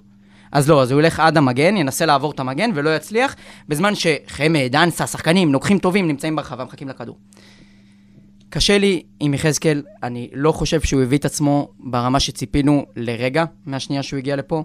אני חושב שגם במחנה אימונים הוא היה אולי הכי חלש בסגל, ואני חושב באמת שבמסגרת השחקנים שיגיעו, וכשאני מסתכל על רומל יגון, אני חושב שהגיע הזמן להשתחרר מיחזקאל, לתת כל דקה שהוא משחק לשחקנים אחרים, טרוסט. וזהו. זהו. יפה, הוא הוציא, הוציא את ה- מה שהוא צבר ככה ליחזקאל. לידור. מילה על יחזקאל או שנמשיך? נמשיך. נמשיך. הוא לא מספיק אה, רלוונטי. אוקיי. אה, יאללה. יוספי? אמ, ככה ככה, ככה ככה, עשה, מצד אחד ממשיך את הקו של לא הכי מרוכז וקצת חסר ביטחון, מצד שני כן הביא מלחמה, וכן היה כמה פעמים כזה שהוא איבד כדור ורץ לחלץ אותו מיד, שזה נחמד לראות. עוד פעם, עם יוספי כמו יחזקאל, אני חושב שזה שומן כזה של הסגל שצריך אה, לשחרר או להשאיל, תלוי. בכי- אם- בחילו- כאילו אני מעדיף להשאיל, אבל אני לא יודע אם תומר מוכן להשאלה. בחילוף על יוספי אתה... אני כאילו, מה שעבר לי בראש זה יום חמישי. אתה חושב שזה משהו שעבר לברדה גם בראש? אני כן חושב שברדה מאמין בתומר. אני כן חושב שהוא מאמין בתומר, ואני כן חושב שתומר שחקן עם איכויות, אבל כרגע, ותשמע, ותומר קיבל הרבה דקות בעונה שעברה, והוא מקבל גם קרדיט עכשיו, ובמחנה אימונים הוא קיבל קרדיט. זה לא מביא את עצמו, אין, אין מישהו שיותר מאיתנו שירצה לראות אותו מצליח, באמת. נכון, חד אבל משמעית, זה אני לא- חושב זה לא שהייתי... עובד. לא לא עובד, לא עובד, אני גם חושב ברמה האישית שתומר צריך אה, ללכת, לש- מה זה להשתפשף? הוא כבר משופשף תקופה ארוכה, שילך לשחק בקבוצה אחרת שתיתן לו את הביטחון, ושהוא יקבל גם שם אולי את המושכות גם להוביל את אה, חוליית ההתקפה. אם יהיה טוב, יחזור. ואני מבחינתי, בתור אה, מישהו שרוצה בהצלחתה של הפועל באר שבע, מעדיף לראות את מדמון, את רוסט, משחקים על העמדה הזאת של השומן הרכב, הסגל הגדול של הפועל באר שבע, שהם יהיו שם. אז הזכרת את מדמון, ויש לי שאלה אליך, גל, כי אני רואה בנתונים שהמסירה המטורפת שלו לא נכנסת למסירת מפתח. למה? בדיוק. למה? אחד, אני חושב שזה מסירת מפתח. חד משמעית מסירת אין לי מפתח. איך לנמק את זה, למה זה לא מסירת מפתח. צריך גם לזכור שהאינסטאט מתויג על ידי איזה מולדבי שיושב שם מול הוידאו, וגם הוא יכול לטעות. אמ, אני מאוד אהבתי את המשחק של מדמון, הכניס שקט, 18 מ-19 במסירות, 4 מ-5 במאבקים הגנתיים. הביא את כל הדברים שראינו ממדמון באליפות אירופה, הצליח להביא אותם גם אתמול. ואני רוצה להגיד שאני סופר מחזיק ממנו וסופר מכבד אותו על זה שהוא ניגש אתמול לבעוט את הפנדל הראשון. אתה לוקח לי את המילים מהפה. זה פשוט, באמת, אני ראיתי את זה, ו- ופשוט, איזה גבר. איזה גבר. גם, גם שהוא החטיא, אמרתי, איזה גבר. הוא לא בעט כזה רע. בסדר, ג'וש כהן לקח לו, הימר נכון, הוא לא בעט כזה רע.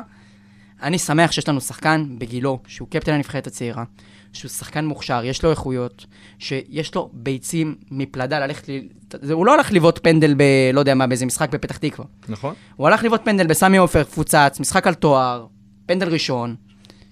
מכבד אותו מאוד, אני רציתי ללכת לחבק אותו. ממש. אחרי ה... לא אכפת לי, מחמיץ, לא מחמיץ, איך שזה, ללכת לחבק אותו.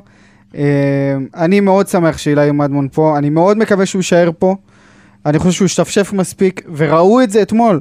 ראו את זה אתמול, נכנס למשחק מאוד מאוד מלחיץ, ונתן עבודה. האמת שהוא היה ברמה לגמרי. לגמרי. מדמון- זה שחקן שאתה פשוט-. גאה- בו, באמת. לגמרי, אתה ראית, אתה חשבת לשנייה, מה זה, מה הילד בן 17 הזה עושה פה? לא, זה מספיק, לא. זה מספיק. כבר הוא לא בן 17, אבל בסדר. 18, סבבה? בוא נפרגן לו בעוד, שנה. אבל עדיין זה שחקן, באמת, הוא- שהוא הוא לגמרי, הוא לגמרי ברמה הזאת, הוא לגמרי יכול להשתלב פה. אה, ואנחנו אה, נתעסק בסיפור רק- מדמון אני. אוסיף, אני אוסיף משהו קטן. אני חושב שהתקופה של מדמון לא בהפועל באר שבע עשתה לו כל כך טוב, לא רק מבחינה אישית וה- והיכולת משחק שלו. אני חושב שאוהדים מקבלים ואוכלים את אילי מדמון שהוא חזר הרבה יותר בקלות. אני אה, ראיתי סרטונים מה- אה, מהאימון פתיחה. מה שהוא חווה שם, אני אומר לך, זה לא חווה שום שחקן אחר. מדמון, הוא רם על הכתפיים, אני חושב, משהו כמו 60-70 פעם. כן, אבל היו יכולים לשיר שירים אחרים. לא נתמקד בשירים, אבל אני אומר, האהבה שהוא קיבל, האהבה שהוא קיבל, מגיעה לו, ואני פשוט גאה בשחקן הזה, לא משנה מה יקרה. וצריך לחבר את זה לאופי. עוד עלה בתקופה של אבוקסיס ושיחק, וכאילו היה בן 17 ויום שם, והוא קפטן הנבחרת הצעירה, הוא פשוט, מעבר לכל הכישרון ולכל הדברים הטובים שאני יכול להגיד עליו מקצועית, גבר. גבר. גבר שעושה הכל כמו שצריך. זאת אומרת, הוא עובר את כל התהליך שאני מצפה שאילן מדמון יעבור. ואני מאוד שמח שניצחנו אתמול, כדי שהדבר הזה לא יישב עליו גם. חד משמעית. אז אמרת גבר וש... ו... ומישהו שעושה כל מה שאומרים לו, קלטינס. לא, לא הורגש יותר מדי אתמול, האמת. בסדר, באיזה עמדה הוא שיחק אתמול בכלל? קשר. אה, גם לא נכנסת הרבה דקות, בוא. 23 דקות. בסדר. אחלה קלטינס. אני כיף כן. לי שהוא על המגרש, אני באמת, אני אוהב אותו. כן. כן, אה, אני סומך עליו. לא משנה באיזה עמדה הוא משחק, אני אבל, סומך אבל בוא עליו. נשאל אותך שאלה. יש לך עכשיו את אילי מדמון וטרוסט. אתה לא היית מעדיף לתת את הדקות של קלטינס להם, לפתח פה שחקנים מדמון לא צעירים? קיבל דקות על חשבון קלטינס. אבל טרוסט לא קיבל דקות. בסוף הם מקב... בסוף יש לא לך כזה מטריד אותי, סך. מקומות בקישור, לא כזה. מטריד אותי, אני חייב להגיד לך. אוקיי. אני אני סומך כרגע על- על קלטינס יותר מאשר על אילי טרוסט. לא ראית את אילי טרוסט. בסדר, אני עדיין סומך יותר על קלטינס. אולי במשחקים כאלה, אני מסכים איתך, אני חושב שבכללי לליגה הייתי מעדיף להיות אילי טרוסט. שחקן ששיחק, בוא, אתה יודע, נכון, גם מדמון שיחק ליגה, ליגה לאומית וזה, אבל מדמון שיחק, עכשיו היה בגמר היורו, והוא יודע מה זה לחץ, והוא יודע זה, לא יודע אם זה, בוא- אם בוא נגיד. זה המשחק לאילי טרוסט. אני הקיש- באהבה אקבל את אילי טרוסט, ובאהבה ייתן לו לשחק, כן, ומצידי שיפתח גם. לא במשחק כמו אתמול. אבל בוא, בוא נדבר על זה רגע. בטח שלא, הרגע, הרי מה, מה, מה, מה קרה? אה, קלטינס נכנס מיד אחרי האחת-אחת. מהמם. אז יכול להיות ש... ש, ש אה, לא יודע, הרבה לא יודעים, אבל אה, עד גיל נוער גלטינס היה חלוץ. וגלטינס יש לו את הפן ההתקפי. הוא גדל עד גיל נוער בתור חלוץ, הוא יודע מה, מה לעשות התקפה. יכול להיות שברדה באחת-אחת ראה שזה הכוח שיש לו כרגע על הספסל להכניס לקישור, כי זה זה. זה השחקן הכי טוב שלו כרגע על הקישור. ואני כן חושב שזו החלטה נכונה הייתה להכניס אותו. אז בוא נסתכל רגע על החוליית קישור. אז אמרנו, יש לנו הרי עומס בחוליית קישור, אתה מסכים איתי. מסכים איתך לגמרי. וצריך לדלל שם, אתה מסכים איתי. ל- לא את קלטינס, אז את מי כן? את יוסף פיד אמרנו. מספיק לי. כן? כן. כל השאר להישאר, שטרוס ומדמון יישארו פה ויקבלו שאריות של שאריות של דקות. מי אמר לך שהם יקבלו שירות של דקות? אני חושב שאם אתה רוצה להשאיר את תעשה שניהם... אירופה. אני חושב שגם אם תעשה אירופה, אני חושב שאם אתה רוצה להשאיר את שניהם, אז קלטינס צריך לרדת במינון הדקות ובהיררכיה שלו, ואם אתה רוצה, אם גל. אתה רוצה לשמור על קלטינס, אז אחד מהם צריך לצאת להשאלה. גל, הכמות משחקים שיהיו לך באמצע שבוע העונה עד דצמבר היא לא הגיונית. כן, אבל יש לך תשעה קשרים על שתיים וחצי עמדות. אבל יהיה לך, יהיה לך שבועות של שלושה משחקים בשבוע. עדיין. זה פסיכי. אה, ואגב, אה, פסיכים, נפצנו, נפצנו. מה קורה? נפצנו. איציק אלפי האגדי. נו מה? מה חדש? אה, אני יודע. וואו, סלמני התשובה. סלמני נחת. הופה. וולקאם. ולמה אתה נשמע פסימי? אה, האמת שאתם גרמתם לי קצת להיות פסימי. אנחנו עם הנתונים וזה- שלנו. לא יודע, אני חייב להגיד שהייתי מצפה למשהו, ציפיתי לפחות למשהו אחר. משהו אחר זה אה, ירמייב? אה, כן, ציפיתי למשהו יותר, לא יודע, יותר שיעשה לי את ה... את הריגוש הזה, אתם יודעים על מה אני מדבר? אין כן. תחושה של מפלצת, זה אני מסכים. אין, אין תחושה של מפלצת. בסדר, גם מכבי חיפה חשבה שאתמול היא משחקת עם מפלצת. נכון. נכון. תשמעו, אני חייב להגיד לכם משהו אחד, שלפחות מה שאני בדקתי, אה, על האופי שלו ועל הסגנון שלו ועל אף כדורגלן, כל מי שיצא לי לדבר איתו שמכיר את החלוץ, ששיחק באותה ליגה איתו, והגעתי לכמה אנשים, אומרים שסלמני הוא מסוג השחקנים שבאמת נותן את הכל למועדון, משקיע, נלחם, אה, שחקן שאנחנו רוצים בהפועל באר שבע. שחקן, שחקן שנותן את הכל. מבחינת הסגנון, מבחינת הטכניקה, לא נראה לי שזה... שהגיע לפועל באר שבע זה חלוץ עם טכניקה עילאית, אפילו לא קרוב לזה.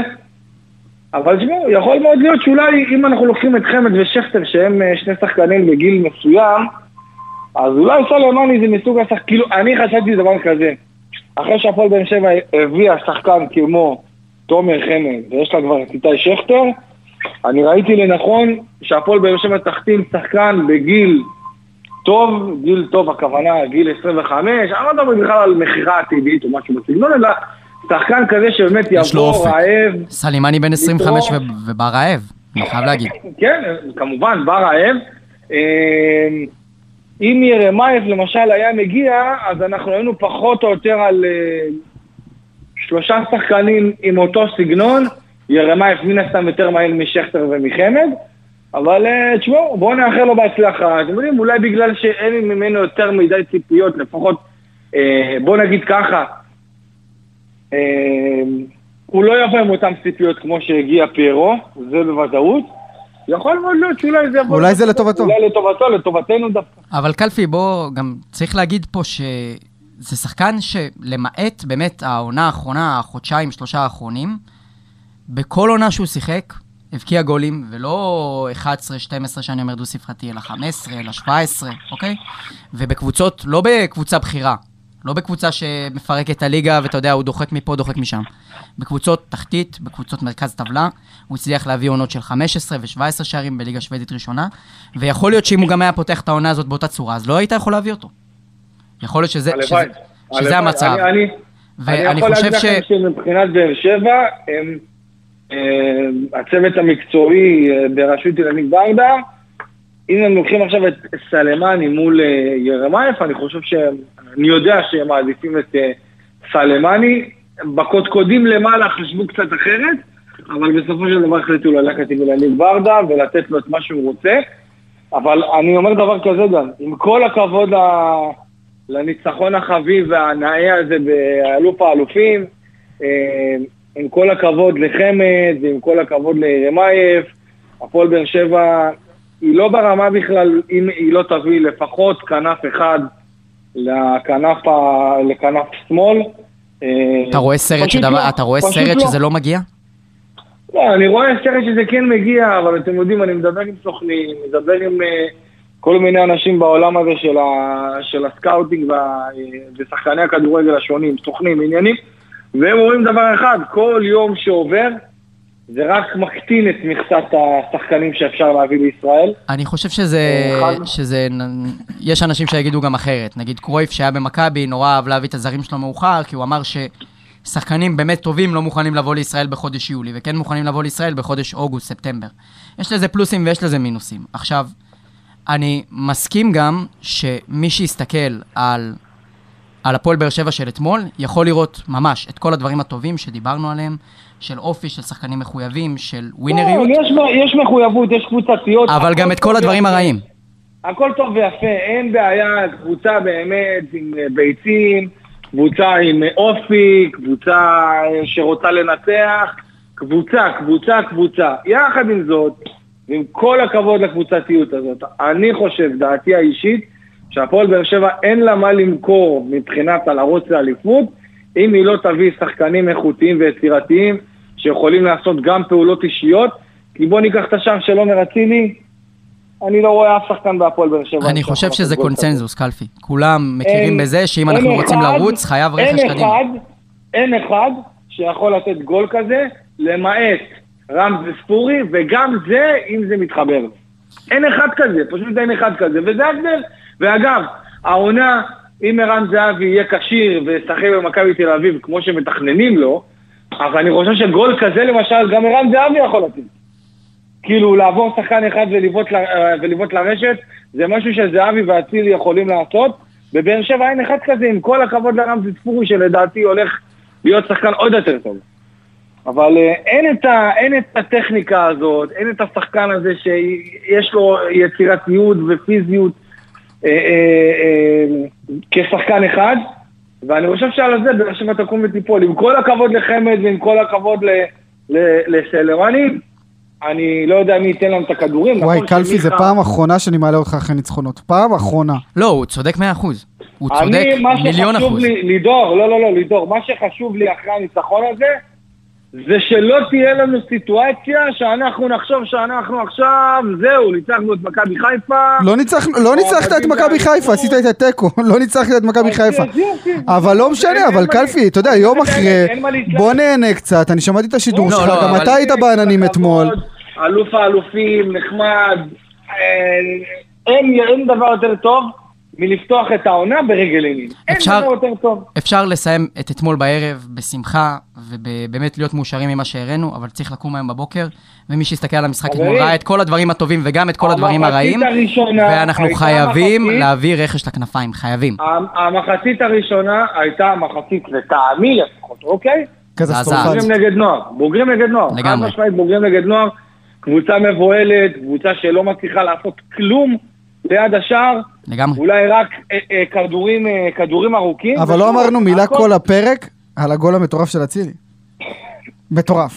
אני חושב. שמהמשבצת כן, מה הזאת, מהמשבצת הזאת הוא בועט ברמה, באמת, לא, אה, אתם תצחקו עכשיו, אבל באמת ברמה הכי גבוהה, ברמת ה... כאילו, מסי, שמע. לא, בבעיטה הזאת, מהמשבצת די, הזאת, גל, אתה מגזים. אני לא מגזים. אתה יודע מה, אני לא מגזים. הוא שם את זה אחד משתיים, אחד משלוש, כמו השחקנים הכי איפה גדולים. מסי משחק? קלפי, אה, את בוא... הבעיטה הזאת, בברייטון. את הבעיטה מי זה הזאת. איתנו? מי זה איתנו? גוסרסקי. כן. איזה כוכב.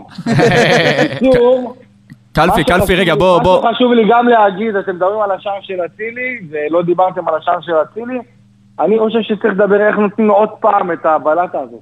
כאילו... אה, דיברנו על זה לא עם ראיתם? שי אליאס. לא לחצנו והתפרק לא ראיתם הלחץ. את הבעיטה הראשונה שלו בטרנר, לא למדתי מזה. ככה אתם נותנים להציל את המרווח הזה, פשוט לבעוט מאיפה שהוא רוצה. ואגב, שרי מבחינתי סיים סיים, אותו דבר. כאילו, גם שחקן שאסור לו לקבל את הכדור באזור עם הרבה מאוד שטח, כי גם הוא יכול לתת גול מ-20 מטר ומעלה.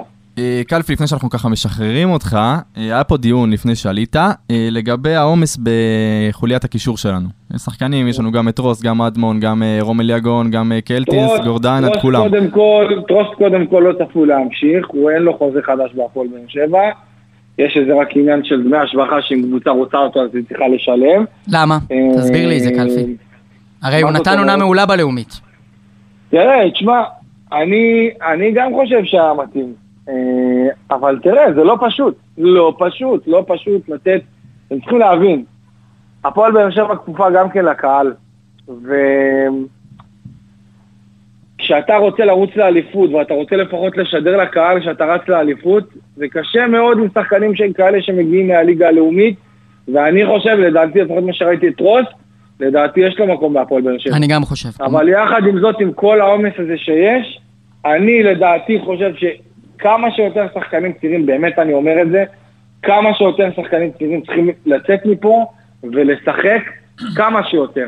אני מת על, אה, על אליגון, באמת, אני חושב שאם הוא מאמין בעצמו שהוא יכול אה, אה, להיאבק על המקום שלו, שיעשה את זה. הבנתי- הבנתי זאת, שזה גם מה שקורה, לא קלפי? אם יש, נכון עכשיו כן, אם יש לו את האופציה והיכולת לצאת להשאלה בקבוצה בליגת העל, לטעמי הוא צריך לחבק את זה ולא ללכת עכשיו למקום של אגו, אפילו גם ליגה לאומית. ואגב, זה, זה קביל לכל שחקן בהפועל באר שבע שרואה שהוא לא הולך לקבל דקות משחק. עכשיו, מדמון, למשל, הוא גם כן אה, מגיע אה, כהשאלה מקבוצה שעשתה עונה פחות טובה מנס ציונה, בני יהודה, אבל מדמון יש לו את היחסי ציבור המעולים ומגיע לו בצדק שהוא קיבל עכשיו נבחרת הנוער. זה נתן לו דחיפה מאוד גדולה, זה גם עכשיו מייצר אצל הקהל איזשהו vibe של, של אה, בוא ניתן לילד ובוא נראה איך הוא ובוא נקדם ובוא ניתן. אז... אה, מה לגבי יוספי? אה, יוספי לדעתי עדיין יש לו הרבה מה לתת. הרבה אתה מה חושב לתת. שהוא יישאר? אני חושב שהוא יישאר, אבל אתם צריכים להבין, עד החלון הכל יכול להיות. מהמם. הכל יכול להיות. אה, אצל תומר יוספי זה קצת יותר מורכב, כי אה, לא כל קבוצה לקחת את, לא כל קבוצה רוצה לקחת אה, שחקן כמו תומר יוספי. להשביח אותו לבאר שבע ואחרי זה, ואחרי זה להביא אותו בחזרה. אני יכול להגיד שיש הרבה מאוד קבוצות בליגה, חלקם מהגדולות ביותר שאתם יכולים לחשוב שרצו את יוספי, הפועל תל אביב. אלונה, אלונה לא הייתה יותר. אבל הפועל באר שבע לא הייתה מוכנה לשחרר, ולא הייתה מוכנה אפילו לדון בזה. אז אה, נכון לעכשיו תומר יוספי נשאר, אבל אתם יודעים, הכל נזיל, ואני חושב שבקישור, אתם נגעתם ב... אה, אה, אני חושב שבעיקר זה מרכז השדה, יש שם עומס מאוד מאוד רציני, גם בררו וגם אליאס וגם אדמון וגם קלטין. ומי עוד שכחתי? גורדנה שיחזור גורדנה מפציעה. שאמור לחזור. יש עומס מאוד מאוד גדול, ולדעתי פה תהיה הבעיה. יחד עם זאת, אם אפשר לסחוב לפחות עוד שבועיים שלושה כדי לראות לאן פניה של הפועל באר שבע מהבחינה, מהבחינה האירופית, אז לעשות את זה, כי אם באר שבע תגיע איכשהו לשלב הבתים, אז יהיה לה עומס מאוד מאוד גדול, וגם השחקנים האלה צריכים לדעת, גם אם שחקן מחליט להישאר בסופו של דבר, הדרך ל... לחלון העברות היא דרך מאוד קצרה. אם אנחנו עכשיו ניקח בחשבון את הליגה שנפתחת, סתם דוגמה, בסוף אה, אוגוסט, בואכה ספטמבר. בחודשיים וחצי, אמצע נובמבר, אם אני לא טועה, 12 בנובמבר, הקבוצות כבר יוצאות לפגרה של המונדיאל, חוזרות בדצמבר, ואו-טו-טו נפתח החלון. זאת אומרת, שחקן שעכשיו נניח נתקע במרכאות בהפועל באר שבע, או מן הסתם בקבוצה אחרת, זה לא סוף העולם, ויש ממילא את הפגרה הזאת. זאת אומרת שהחלון הזה עד ינואר יהיה מאוד מאוד קצר, אז ככה שמצד אחד הייתי ממליץ מאוד לשחקנים צעירים לצאת מהפועל באר שבע ולשחק בליגת העל, שאיפה בליגת העל, אם לא ליגה לאומית, וגם ליגה לאומית זה אה, יותר בעניין של אסקיאס, אה, טרוס, משהו כזה, אבל אם אפשר ליגת העל לעשות זאת וכמה שיותר מהר, כי עדיף, גם אם, גם אם יקבלו דקות, הפועל באר שבע שרצה לאליפות והקהל וטרנר וכל מה שקורה מסביב, זה יותר קשה, כי כל טעות, לא משנה אם אתה שחקן נוער, לא משנה אם אתה שחקן שהוא אה, בא בתור שחקן רכש, אתה מקבל על זה בראש אם אתה לא מצליח להפיק את היכולת שלך ולבוא לידי ביטוי מבחינת מספרים, ואני חושב שלשחקני נוער זה יותר קשה, כי אין מה לעשות, הקהל הבאר שבעי יותר קשה, לדעתי לפחות, אני- לשחקני נוער, אני רוצ- לא פשוט. אני רוצה רגע לשאול אותך שאלה בקשר למקומות שנשארו לנו לזרים. שחקן אגף, כולנו מסכימים, ואני מאמין שגם במועדון מאמינים שצריך להגיע. האם אתה רואה זר מגיע בעוד עמדה, ואם כן, אז איפה? אני יודע שהם בינתיים, יכולים להביא אה, עוד שני שחקנים. נכון. זאת אומרת, סלימני, שהוא כבר הגיע, הוא הזר הרביעי, ועוד שניים. אה, ועוד שניים. אני יודע שהפועל באר שבע מתכוונת להביא זר אחד לעמדת הכנף ימין, שחקן עם רגל שמאל. דווקא ימין? טובה. כן, חד משמעית, בטח. אני הייתי מביא לשמאל, אבל אוקיי. אני לא חושב, אני חושב שדווקא בשמאל יש לך גם את יחזקאל, גם את אנסה שיכול לשחק שם, גם את חתואל יכול לשחק שם. צד ימין, שחקן עם רגל שמאל טבעית שיכול לעשות, את ה- שיכול להיכנס לתוך הרחבה עם רגל שמאל, כמו אצילי למשל, שזה גול קלאסי של אצילי שמגיע מצד ימין ונכנס לתוך הרחבה עם בעיטה חזקה. אה, ומה זה עוד, קלפי? ש- חוץ זה מכנף. משהו שאין, וישאירו את עמדת הזר השישי, ישאירו את זה אולי לקראת סוף החלון, אולי תבוא איזושהי מציאה של איזה שובר שוויון שפתאום ייפול להם לידיים, כמו ז'וסואה למשל שהגיע בספטמבר. אה, זה לפחות מה שמתכננים. אני מקווה מאוד שבסופו של דבר בהפועל באר שבע החליטו אה, אה, לחזק את עמדת, ה, את, את עמדת המגנים, או צד ימין או צד, או צד שמאל, לדעתי זה משהו שהוא בגדר חובה, אבל בוא, בוא נראה. קלפי. קלפי. לחיי וולקאמים, סבבה? יאללה, שיהיו עוד ועוד ועוד. אבל אה, שנייה לפני שאני אומר לך ביי קלפי, בוא תיכנס איתנו לערבוביאדה שלנו, פינת ההימורים, מה יהיה מול דינה מומינסק? אה, דינמו מינסק, לדעתי ניצחון קטן של באר שבע. מה זה קטן? מספר, מה, אל תגיד לי ניצחון. 1-0? 1-0, 1-0, כן, 1-0. קלפי, אל תצעק עליי. איציק קלפי האגדי, נפצנו, תודה רבה. אין. כמוך בעולם, קלפי, אין. יאללה, כוכבים, להתראות. ביי. נפץ. טוב, מה, ההימורים שלנו לא עשינו. כן, פלא, תן לי. אני, אה, מפסידים 1-0. נו באמת. מה נעשה? אתה מה באמת נעשה? ככה? למה אתה מדבר שטויות אבל? באמת אני, לא אני מדבר. באמת למה מאמין אתה בזה. מחרבן כמה- מהפה? כמה- אמרתי אה, שמפסידים לחיפה? שלוש. נו, מה נו? צדקתי או לא צדקתי? אני הייתי הכי קרוב. אני הייתי הכי פלד, אתה קרוב. יודע שאתה לא בתחרות אני- באמת פה. פלט, אתה יודע שאני הייתי הכי קרוב. מה אמרת? 4-2 נגמר 4-3. וואו. אוי נו עם הפנדלים, אני הייתי הכי קרוב עם 2-1, תודה רבה. גוסרסקי, הימור שלך? 2-0 באר שבע. לידור, נו, הנה הגיע המקום שלך. תראה איך הוא מפשיל שרוולים. כן, לידור. שלוש. שלוש לנו? מי מבקיע עכשיו? אתה- וואי, וואי, וואי, אתה מדליק אותי. נו. חתואל, אלף אחוז שם גול. אלף אחוז. אני איתו. וואי, חתואל בנקר. חתואל אלף אחוז גול. עושה בוא תראה מה פספסת בוא תראה. אוקיי, חמד אוקיי. וויטור ראש. כן? כן. יאללה. טוב, אה, כמובן, נגיד תודה לכל מי שהיו פה באולפן היום. לידור רוטמן יקירי, תודה רבה. יקירך. תודה רבה פלט. גל גוסרסקי. בכיף. אה, גיא לוזון על ההבלחה הקטנה. אה, דני קושמרו שהיה. איתנו פה, ואיציק קלפי האגדי. אה, אתם יכולים להאזין לנו בכל הפלטפורמות, גם של רדיו דרום, גם שלנו, של האנליסטים.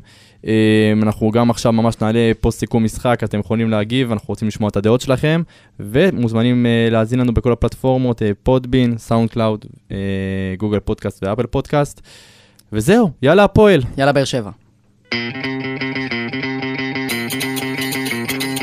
בוא נראה, בוא נראה את ברדה! ברדה עושה את זה שוב! שלוש, שתיים, באר שבע! זה פשוט מטורף מה שקורה פה! הנה שוב באר שבע, בטירוף על השער,